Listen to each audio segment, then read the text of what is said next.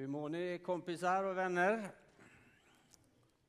En del nickar så det ser ut som de mår bra. Och jag antar att ni mår bra eftersom ni är här. Åtminstone mår ni så pass bra att ni kunde ta er hit. Men det är ju en del som har varit sjuka över helgen alltså. Jag har hört ganska många som har varit det, men jag har inte varit det.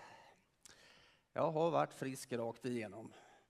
Och jag tror att det beror på att jag hittade en ny produkt i frysdisken eh, för någon månad sedan. Eh, har ni hört talas om eh, frysta jordgubbstärningar? Alltså det, det är ju en superbra grej alltså.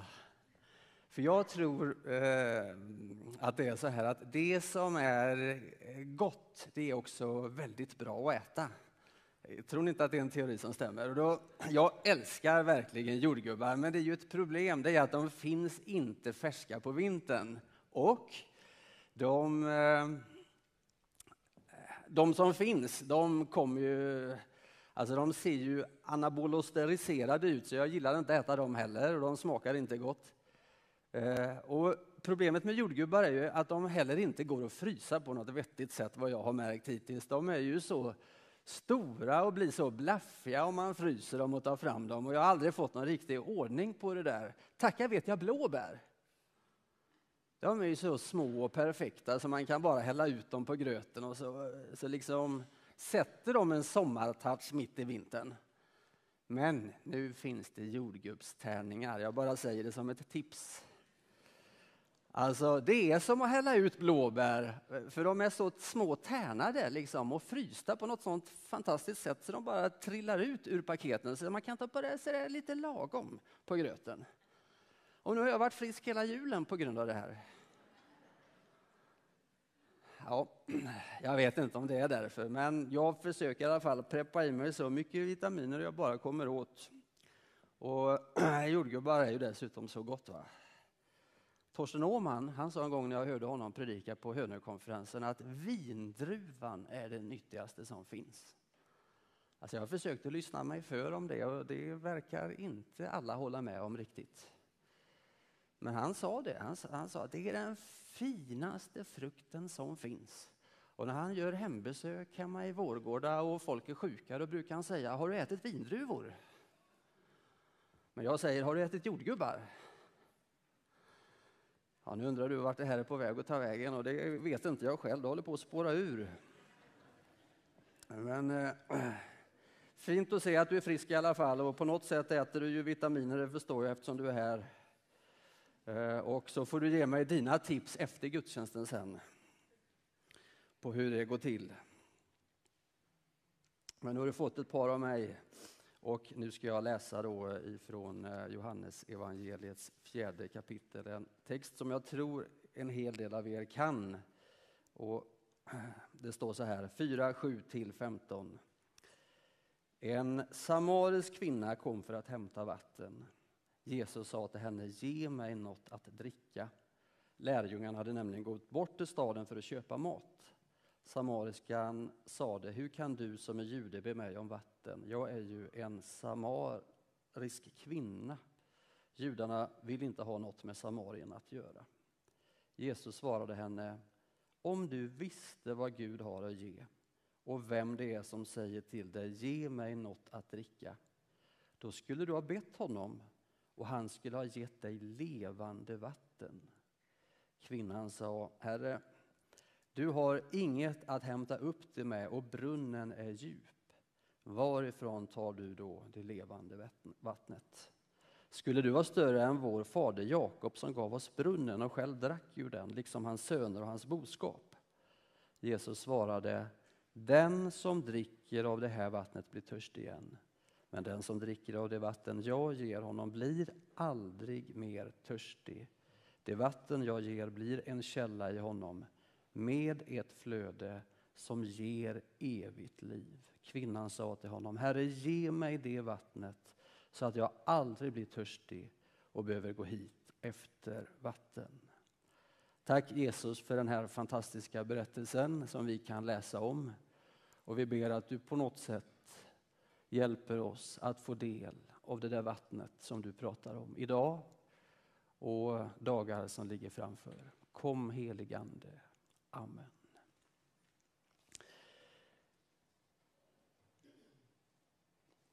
Ja, nu ska vi prata om viktigare saker än vitaminer och eh, jordgubbar. Vi ska prata om Jesus och eh, hur han möter människor och vad han har till oss. Jesus han är på vandring. Han ska från Galileen, det ligger i norr. Nej, jag menar han, han har varit i Jerusalem som ligger i söder och han ska till Galileen som ligger i norr och däremellan ligger Samarien. En gång var det ett land tillsammans, Israel. Men så hade det blivit en konflikt så där 700 år före Jesu födelse som hade blivit djupare och djupare.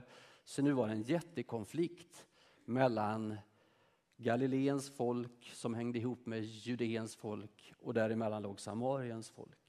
Så när judarna skulle gå den här vägen, vi kan säga att om det hade varit vi, så var det som att vi skulle gå från Allingsås till Göteborg eller från Göteborg till Allingsås då.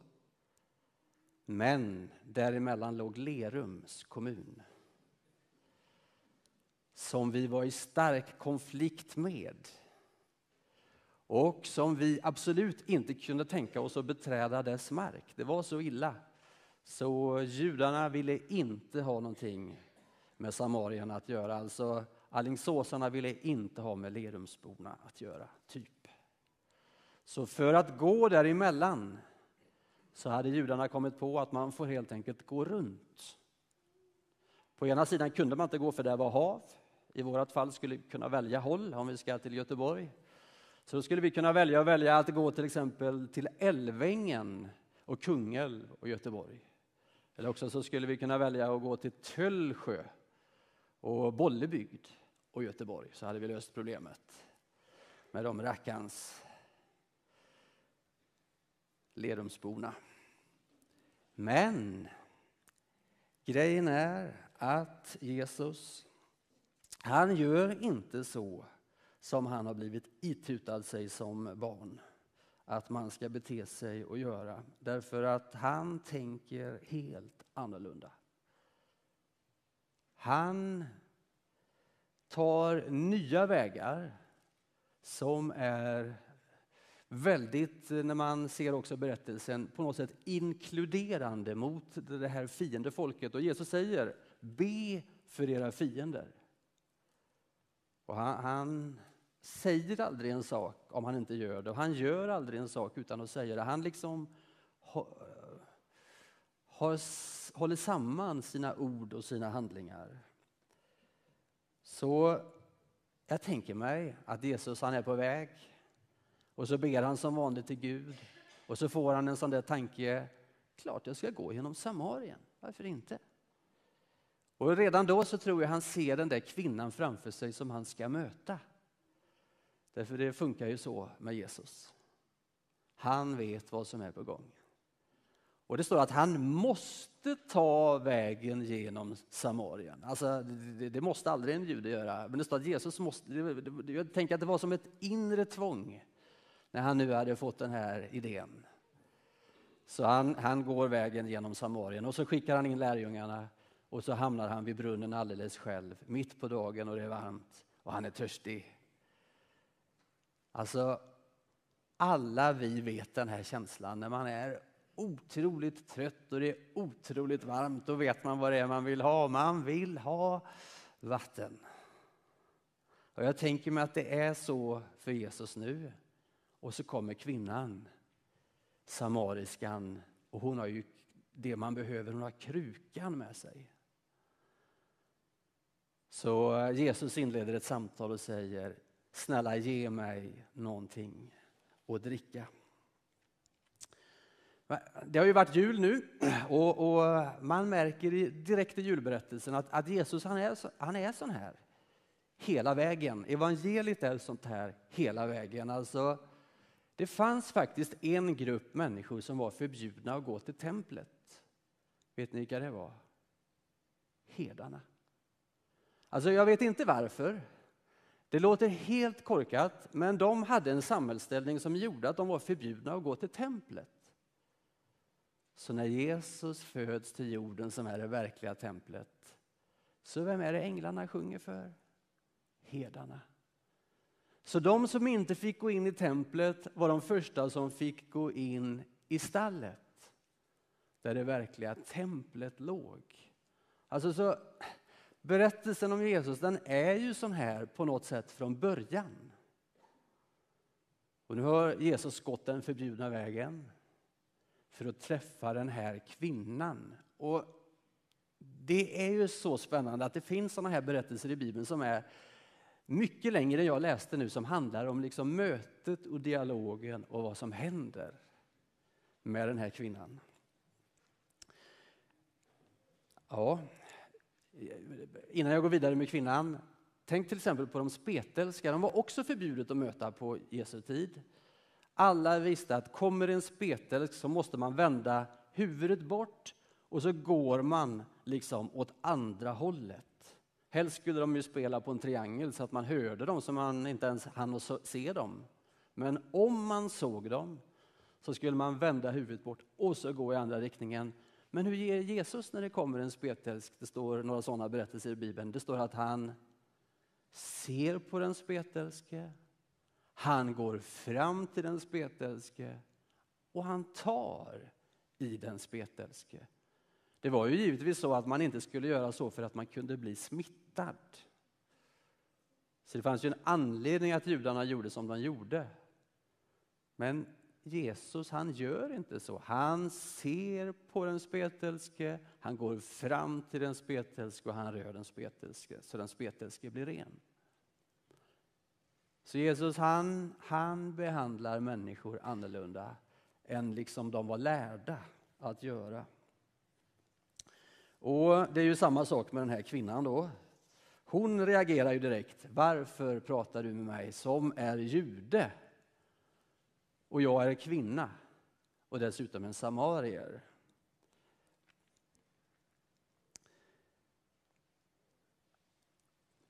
Jag tänker så här, om vi tänker på det här en liten stund till, att gå en annan väg. Tänk om vi lite mer skulle våga pröva att göra på andra sätt. Eh, ni som är gamla, ni tänker ju kanske nu att nu ska jag aldrig mer göra någonting nytt.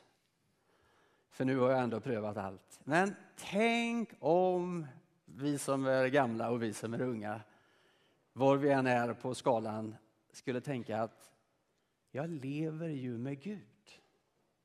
Så kanske ska jag pröva en ny väg. Göra på ett annat sätt möta människor som jag inte normalt sett möter. Ta ut en annan riktning på något sätt.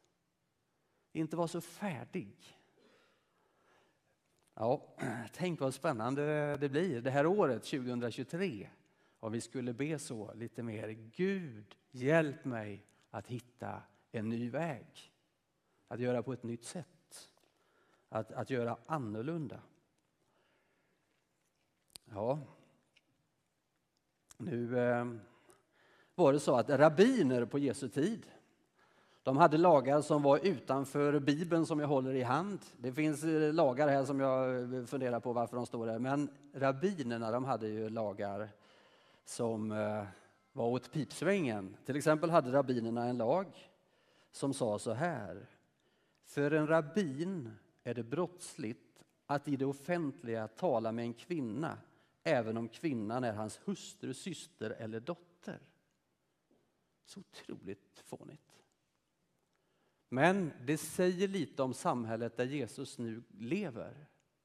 För en rabbin är det förbjudet att offentligt tala med en kvinna, även om det är en hustru eller en dotter.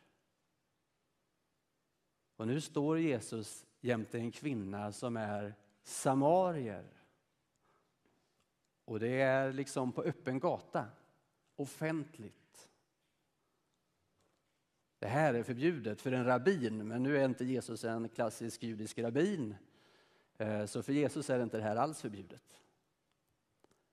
Men Alltså, i Israel så var det faktiskt så att kvinnan hade en betydligt högre ställning än i de omgivande kulturerna. Det kan också vara bra att veta. Det var värre på andra ställen. Och, och, och, kvinnan hade en ganska hög ställning i Israel, förutom när det gällde det religiösa, det andliga. Där var det en stor skillnad. Och därför en rabbin fick inte offentligt tala med en kvinna om det så var hans hustru. Nu står Jesus där, en typ av rabbin, och så står kvinnan där och det är Jesus som börjar dialogen och säger Kan inte du ge mig lite vatten?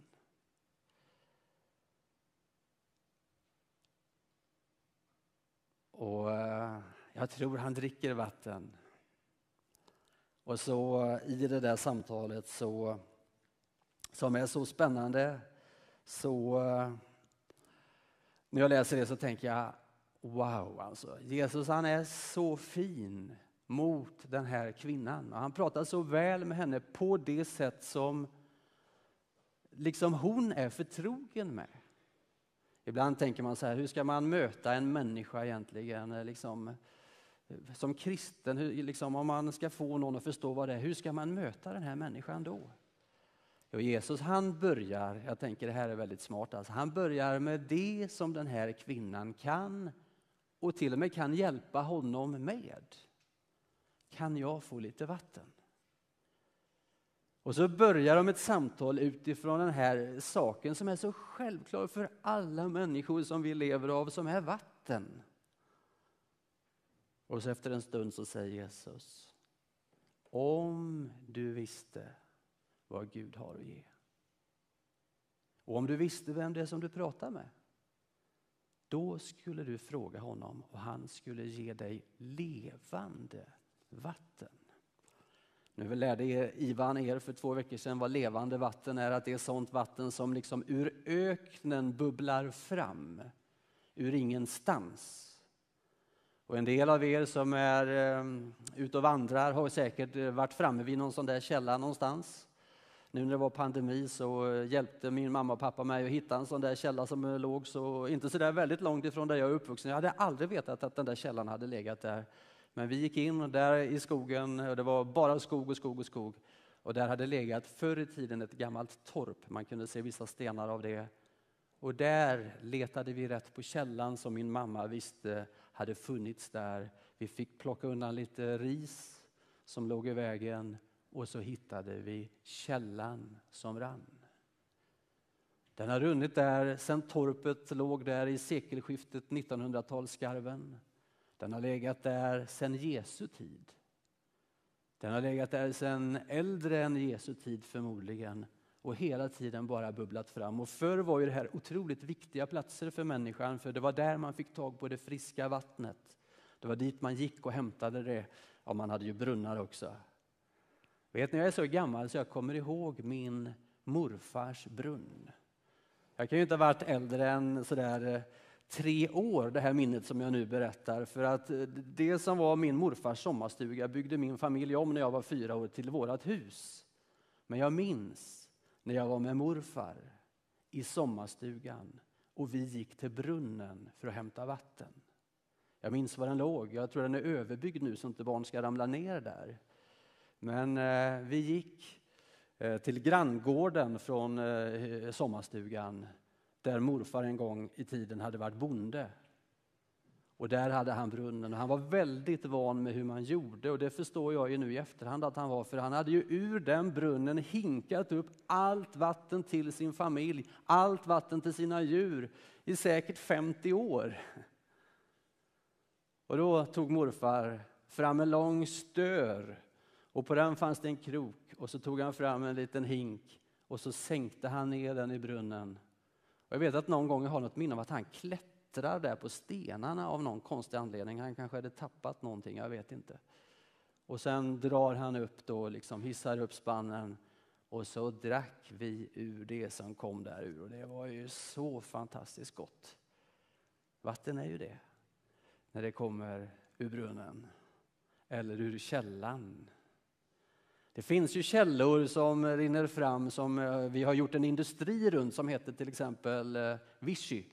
eller Ramlösa eller sådana saker. Loka.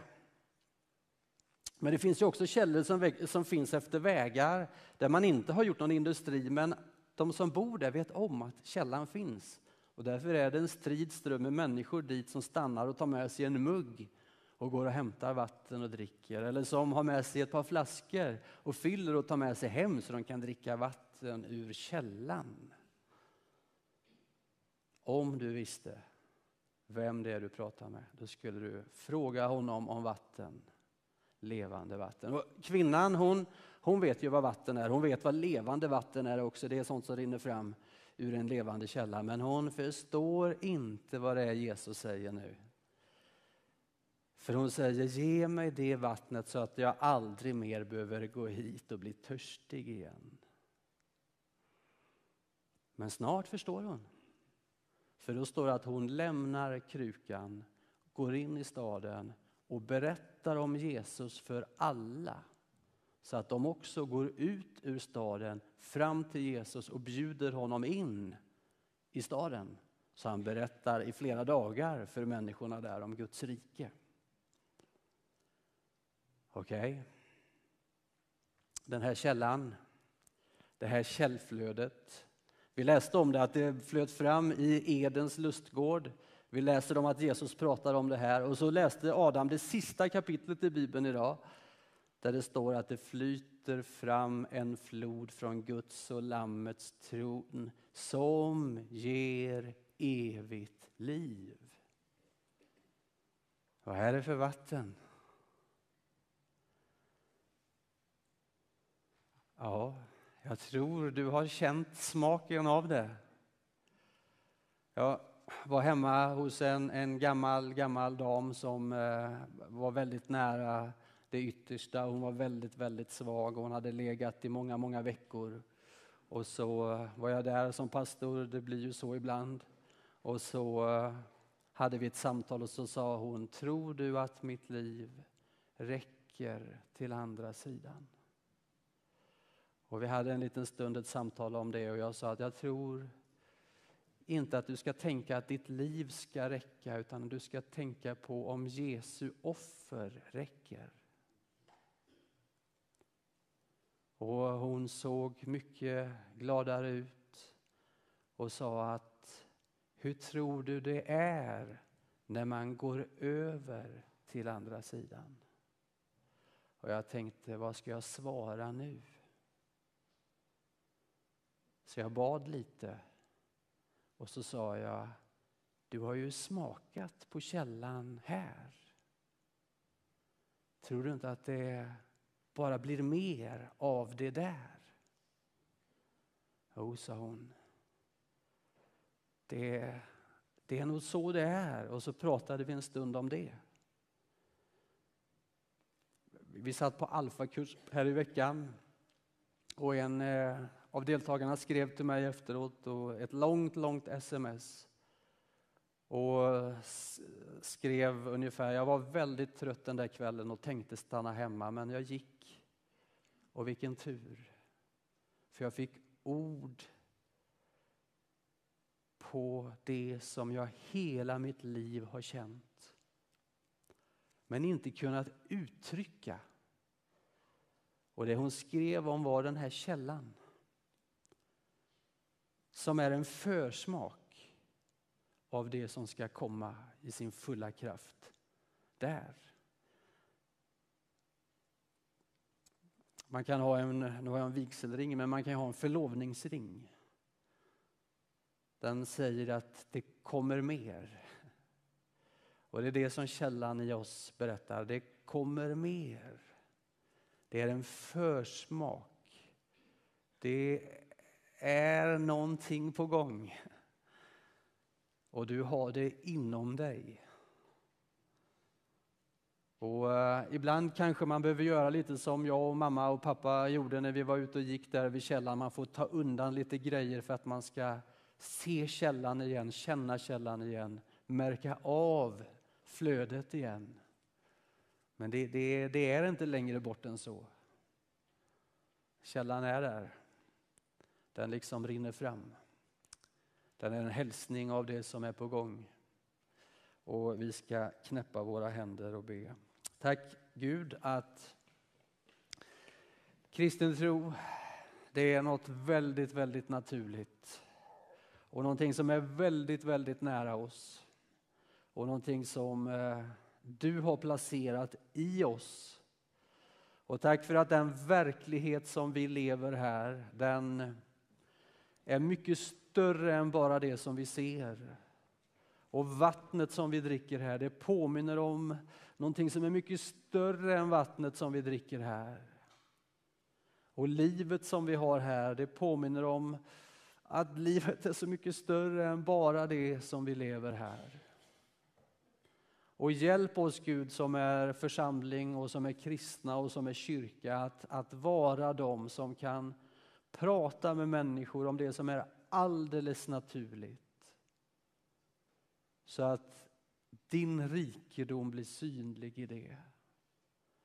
Herre, vi har så mycket att lära av dig och hur du gjorde.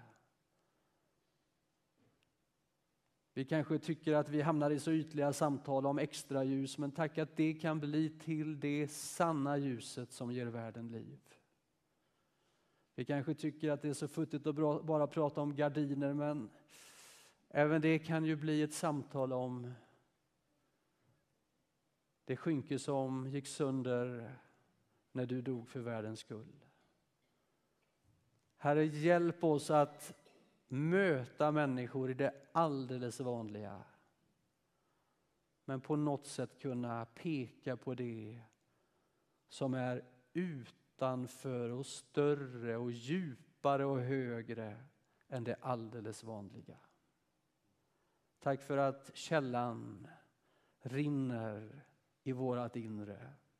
Och vi ber om hjälp att kunna ta undan om det ligger någonting i vägen. Hjälp oss att kunna bara känna ditt flöde Jesus.